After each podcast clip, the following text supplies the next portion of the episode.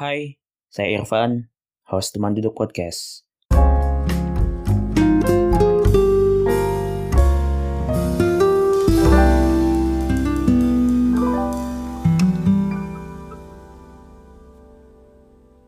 Kalian lagi dengerin Teman Duduk Podcast yang berisi berbagai macam obrolan.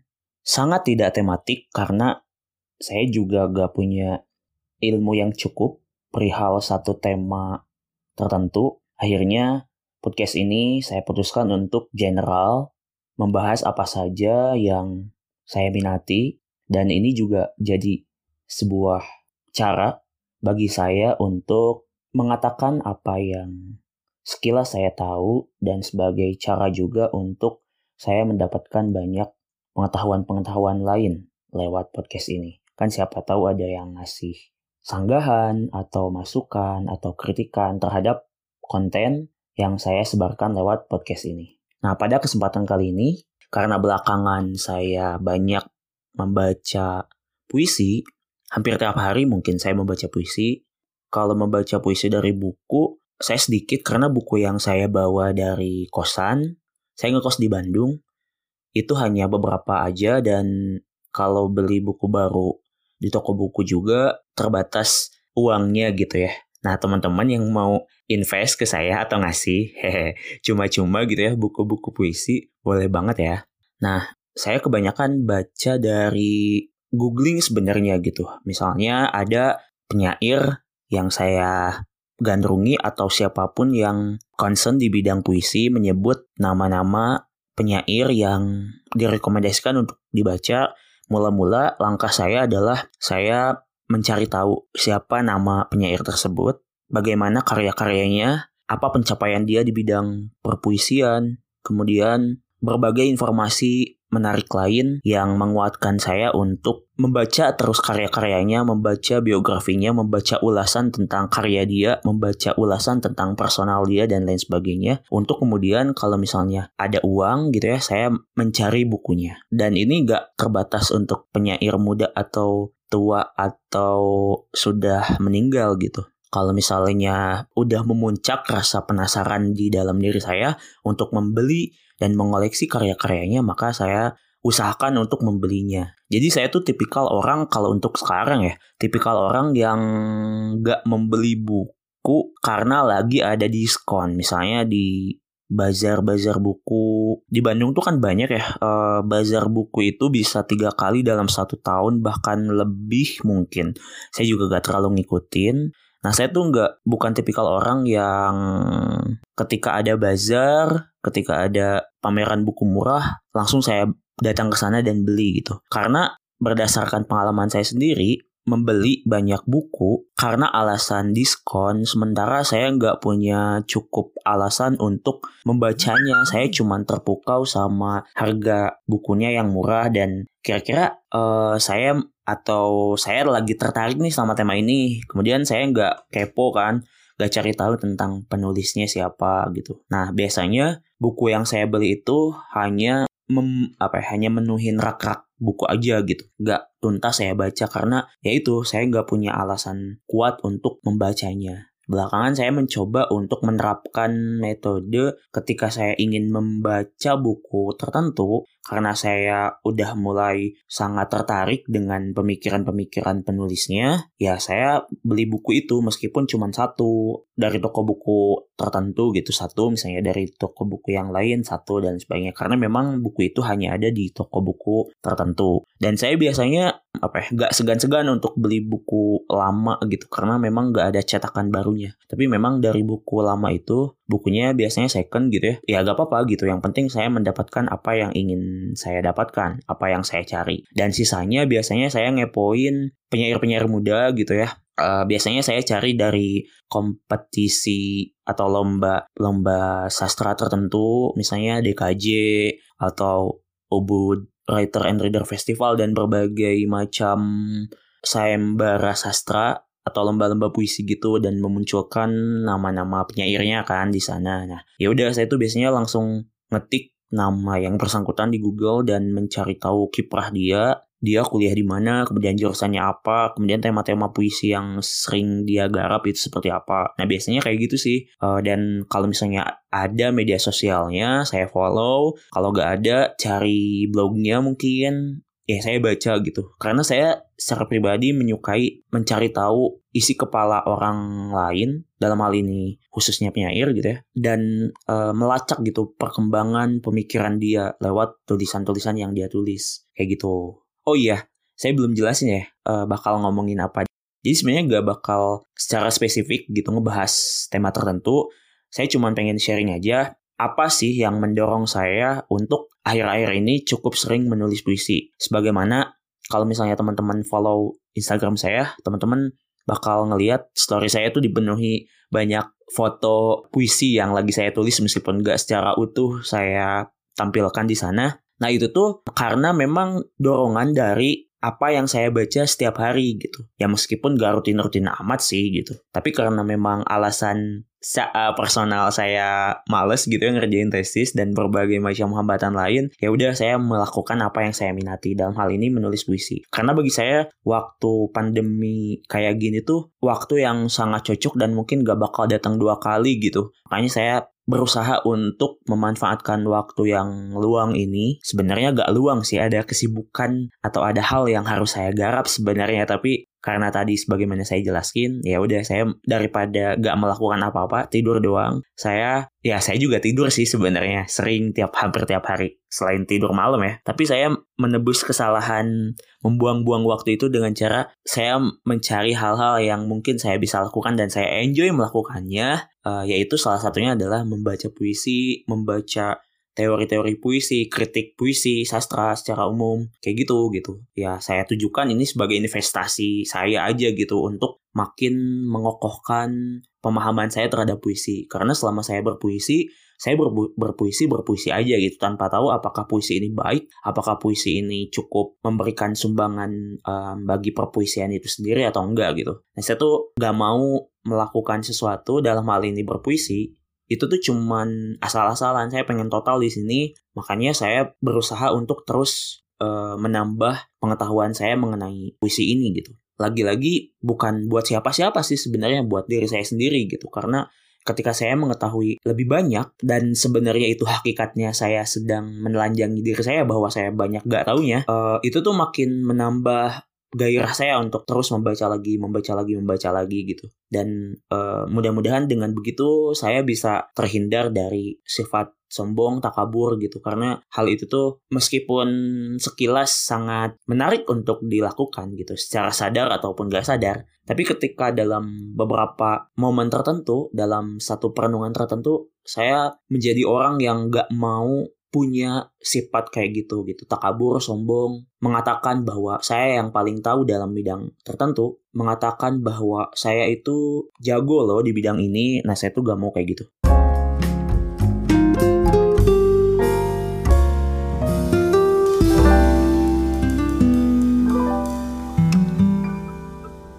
saya pengen berbagi hal yang saya sedang lakukan dan saya rutinkan sekarang meskipun sebenarnya gak saya niatkan untuk saya coba rutinkan karena ini itu adalah sebuah kebiasaan yang memang berangkat dari minat tertentu gitu. Kayak misalnya teman-teman yang suka main game tuh. Kan gak secara rutin teman-teman niatkan untuk main game kan? Tapi karena memang teman-teman suka teman-teman mendapatkan kepuasan kesenangan dengan aktivitas main game itu, maka teman-teman melakukannya dengan tanpa paksaan. Nah, begitupun dengan saya dalam hal menulis puisi. Eh, sorry, membaca segala hal tentang puisi ini. Saya melakukannya atas dasar saya menyenangi aktivitas ini.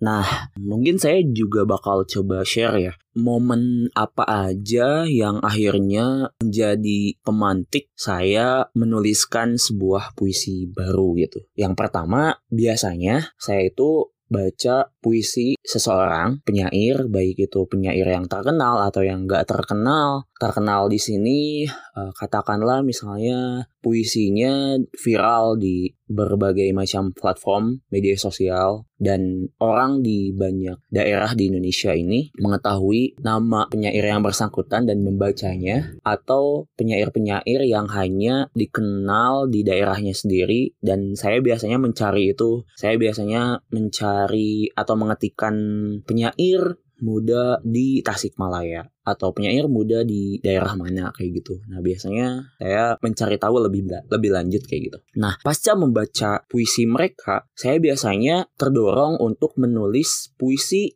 baik itu dengan tema yang serupa atau bahkan tema yang sama sekali berbeda gitu. Tapi saya mendapatkan dorongannya itu ya pasca membaca puisi mereka kayak gitu. Makanya buat teman-teman nih yang misalnya mandek, kan saya pengen belajar nulis puisi, tapi saya gak punya cukup inspirasi untuk uh, menulis puisi kayak gitu. Nah, jadi gimana nih solusinya? Ya kayak gitu, teman-teman banyakin baca aja gitu karena berdasarkan pengalaman saya sih banyak hal yang bisa didapetin ketika teman-teman lagi ada di momen baca buku dengan sangat serius. Atau sebenarnya saya nggak serius-serius juga sih saat baca, tapi biasanya ya karena penasaran aja gitu. Nah rasa penasaran itu yang akhirnya mendorong saya untuk mungkin khusyuk secara nggak sadar kayak gitu. Saya konsentrasi penuh untuk membaca puisi tertentu karena memang e, menganggap bahwa puisi ini baik. Kemudian muncul rasa rasa simpati mungkin atau rasa kagum.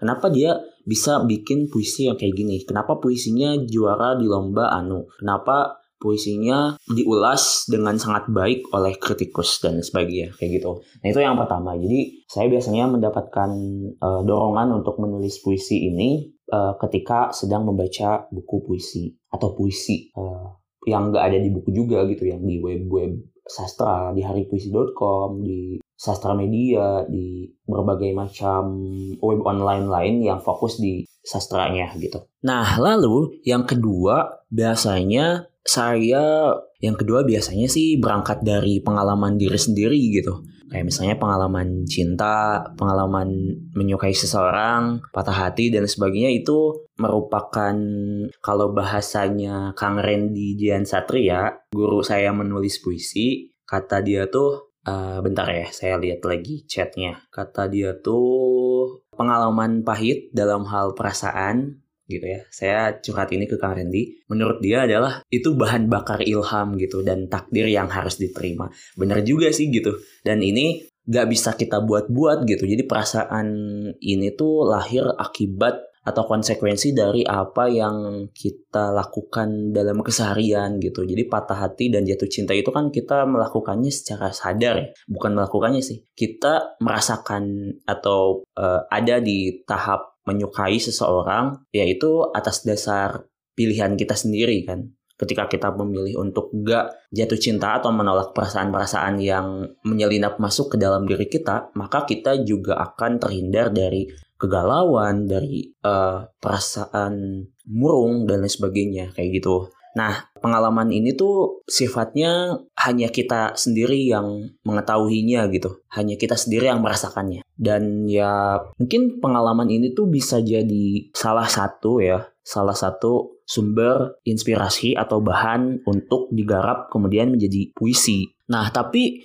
pengalaman yang sifatnya internal ini terutama berkaitan dengan perasaan itu tuh kalau misalnya terus-terusan digali ya abis gitu. Ketika teman-teman menuliskannya secara terus-menerus tanpa menambah pengalaman yang lain, ya rentan puisi-puisi yang dihasilkan pun akan bernada sama gitu. Nggak ada kebaruan, nggak ada sesuatu yang lain dari puisi yang sebelumnya. Kayak gitu. Jadi makanya kalau saya pribadi sih karena memang perasaan ini tuh akumulatif gitu dalam dalam waktu yang panjang beberapa tahun 4 tahun lima tahun kayak gitu dan untuk akhirnya merasakan ini kembali itu agak susah gitu jadi butuh waktu lama nah buat teman-teman yang sering merasakan patah hati dengan berbagai penyebab gitu dan teman-teman juga suka, suka menulis puisi ya itu bisa teman-teman jadikan sebagai sumber inspirasinya. Tapi kalau misalnya kayak saya yang hanya sesekali ya bisa jadi ini tuh meskipun sekali dialami tapi bisa panjang gitu. Saya bisa mengolahnya dalam bentuk yang lain dengan gaya penceritaan yang lain tapi kurang lebih apa yang diomongkan sebenarnya gagasannya atau temanya sama tentang patah hati tentang perasaan jatuh cinta kepada um, seseorang kayak gitu atau perasaan mengagumi seseorang. Nah, untuk mensiasati agar pengalaman ini nggak berhen nggak habis gitu, teman-teman ya mau gak mau harus menciptakan pengalaman sendiri dan itu gak mesti tentang cinta aja sebenarnya gitu kayak pengalaman personal. Kalau buat teman-teman yang suka naik gunung ya silakan naik gunung yang uh, berkesan gitu, ciptakan kesan itu sendiri dan akhirnya bisa teman-teman catat, bisa teman-teman lupakan gitu. Kalau misalnya dilupakan berarti wujud pengalamannya itu akan datang menjadi kenangan gitu. Kalau gak salah ini pernah disampaikan juga oleh Bang Hasan Asfani di vlognya Juru Baca. Gak tahu saya judulnya apa gitu. Teman-teman bisa cari lagi. Ya intinya sih teman-teman harus teman-teman dan saya kita gitu harus menciptakan banyak pengalaman-pengalaman dalam hidup. Baik itu yang sifatnya tadi tentang perasaan atau pengalaman yang sifatnya kemanusiaan. Kalau yang suka ikut kegiatan kerelawanan ya silakan ikutan kegiatan kerelawanan dan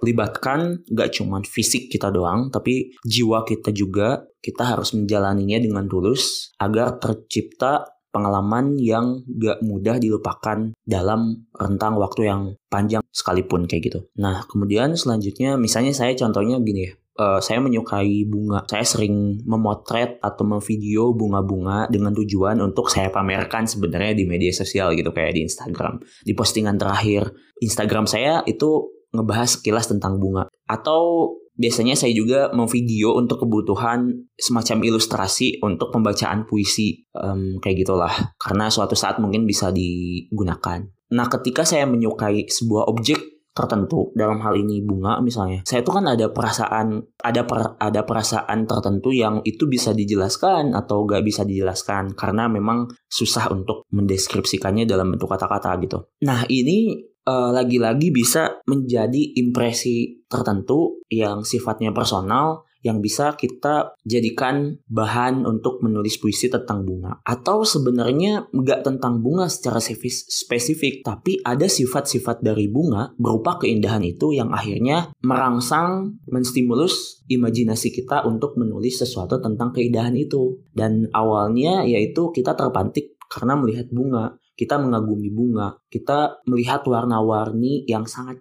cantik, yang sangat indah dari bunga-bunga itu. Atau bahkan lebih lanjutnya lagi ketika teman-teman memiliki pengalaman yang lain atau teman-teman lagi memang ada di posisi sangat dekat dengan Allah, dengan Tuhan karena berbagai macam persoalan ya berarti bunga yang teman-teman lihat yang saya sering amati itu tuh bisa dikoneksikan dengan kaitannya dengan siapa yang menciptakan bunga. Kemudian oh ternyata Tuhan apa maksud Tuhan menciptakan bunga ini? Apa pembelajaran atau hikmah yang bisa kita petik dari bunga yang sangat indah ini gitu? Ya kalau misalnya teman-teman memang mengaji gitu ya atau kuliah di dan kuliahnya itu berkaitan dengan tauhid atau teman-teman mendapatkan pelajaran tafsir Al-Qur'an mengenai kekuasaan Allah ya apa yang teman-teman lihat dari bunga ini tuh sangat bisa disambungkan dengan kuasa Allah. Dan bahkan menurut pemaparan dosen saya gitu guru saya Pak Aam Abdul Salam salah satu dosen tafsir di dosen tafsir ahli di uh, UPI Bandung itu tuh mengatakan bahwa ya kita gak boleh berhenti pada proses pada kekaguman tertentu saja dari wujud makhluk atau peristiwa alam gitu. Tapi Allah sangat gak mau Allah sangat cemburu dengan berhentinya kita pada fenomena atas ketakjuban fenomena alam yang terjadi gitu. Uh, contohnya Pak Am di kuliah tafsir itu sering mencontohkan tentang proses uh, terbentuknya hujan gitu. Kalau misalnya kita hanya percaya pada siklus terciptanya hujan, daur hujan itu ya kita sangat rugi sekali gitu. Dan kita nggak nggak menangkap substansi dari ayat ini di Al-Quran gitu. Karena di sana dijelaskan bahwa sebenarnya pusat dari uh, uh, siklus hujan yang sangat luar biasa ini ya Allah gitu. Nah kayak gitu. Jadi dari hanya bunga teman-teman mendapatkan banyak sekali bahan untuk ditulis kemudian menjadi puisi dengan beragam bentuk tentunya dengan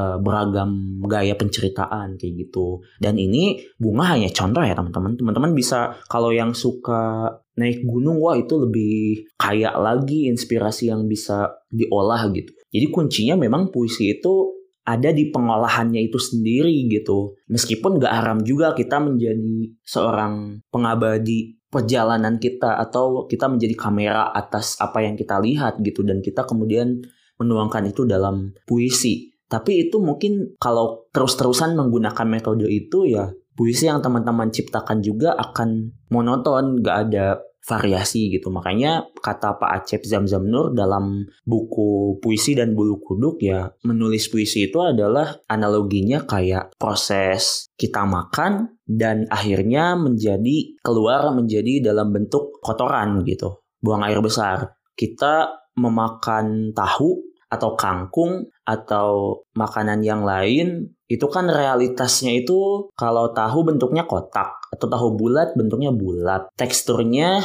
nggak nggak halus-halus banget gitu. Ada kasar-kasarnya tapi gurih enak dan sebagainya. Kemudian setelah beberapa waktu mengalami proses pencernaan di dalam tubuh kita dalam usus-usus kita dan kita ingin buang air besar yang dihasilkan itu ya beda lagi kan. Gak tahu lagi gak bulat gak kotak tapi bentuk yang lain. Teman-teman juga ngerti kan? Nah kayak gitu sih uh, itu udah poin berapa ya saya lupa lagi pokoknya tadi membaca puisi itu biasanya muncul keinginan untuk menuliskan puisi kemudian yang kedua bisa pengalaman dari dalam diri kita sendiri, tapi itu sifatnya bisa habis, makanya harus ditambah. Nah, ditambahnya itu dengan kita melakukan perjalanan atau kita melakukan penelitian observasi terhadap yang kita minati. Contohnya yang saya kasih itu adalah bunga itu, tapi teman-teman bisa mengembangkannya lagi dengan hal-hal yang membuat teman-teman penasaran atau membuat teman-teman sangat menggandrungi sesuatu itu kayak gitu. Contoh yang lain lagi misalnya saya sering mendapatkan inspirasi juga ketika melakukan perjalanan dan ini perjalanannya juga nggak diniatkan banget gitu, tapi karena ada tujuan tertentu untuk beli telur atau beli bahan atau beli makanan-makanan lain uh, disuruh sama mama kayak gitu.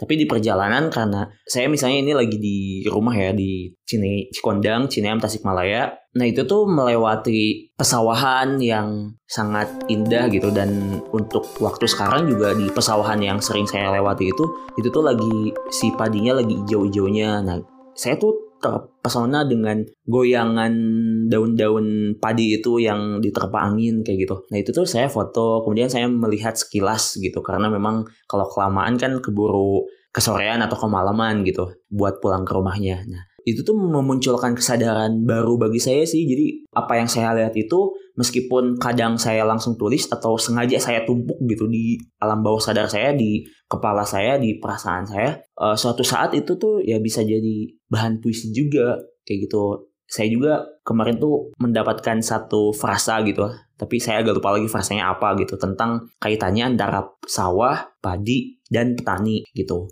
Uh, mungkin saya bakal lanjutin lagi nulisnya ini bisa hari esok atau minggu besok atau bulan besok juga saya gak tahu gitu. Yang penting dicatat aja sih gitu berbagai macam hal yang kita temui. Tapi bagusnya ya puisi itu nggak langsung jadi gitu. Sebagaimana informasi yang saya dapat gitu bahwa oh dari bukunya Mas Hasta Indrana tentang seni menulis puisi itu ya kita harus berjarak dengan puisi yang kita bikin gitu. Jadi kita bikin puisi hari ini nih.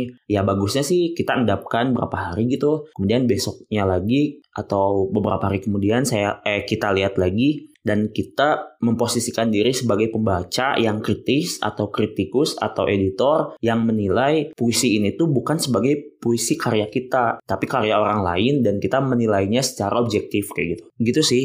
Nah itu tadi uh, beberapa hal yang bisa juga teman-teman ikutin gitu. Poinnya mungkin gak terlalu spesifik gimana tapi semoga perbincangan ini apa yang saya bagikan bisa bermanfaat buat teman-teman terutama yang uh, masih pemula dalam hal nulis puisi gitu. Jadi saya membagikan ini tuh sebenarnya semata-mata bukan karena saya paling tahu gitu. Justru ini cara saya untuk mengekalkan apa yang saya pahami yang berangkat dari pengalaman personal saya baik itu fisik ataupun bacaan gitu. Dan saya percaya bahwa cara untuk menguasai sesuatu dengan mudah, dengan gampang atau menambah ilmu kita adalah dengan cara membagikannya kepada orang lain. Dan puisi ini kan bukan agama gitu ya yang harus melalui proses belajar yang panjang, mesantren dan sebagainya yang uh, ada ancaman ketika kita menyampaikan sesuatu da, uh, dari agama itu salah, maka kita berdosa gitu, berdosa jariah. Nah, kalau puisi saya kira ya ada apa ya ada benarnya juga gitu bahwa menyampaikan ilmu puisi juga gak bisa dengan serampangan gitu. Tapi ini kan sifatnya juga bukan hal yang terlalu substantif juga gitu. Ini berangkatnya dari pengalaman saya sebagai orang yang masih berproses untuk menulis puisi. Kayak gitu nah mungkin itu aja episode teman duduk kali ini karena selain saya kehabisan bahan juga untuk ngomong apa lagi saya juga diminta bapak saya untuk ngejemput beliau di sekolah gitu. Sampai jumpa di episode-episode berikutnya dan makasih udah dengerin teman duduk podcast. Kalau ngerasa ini bermanfaat, silahkan bagikan ke teman-teman yang membutuhkan. Thank you. Assalamualaikum warahmatullahi wabarakatuh.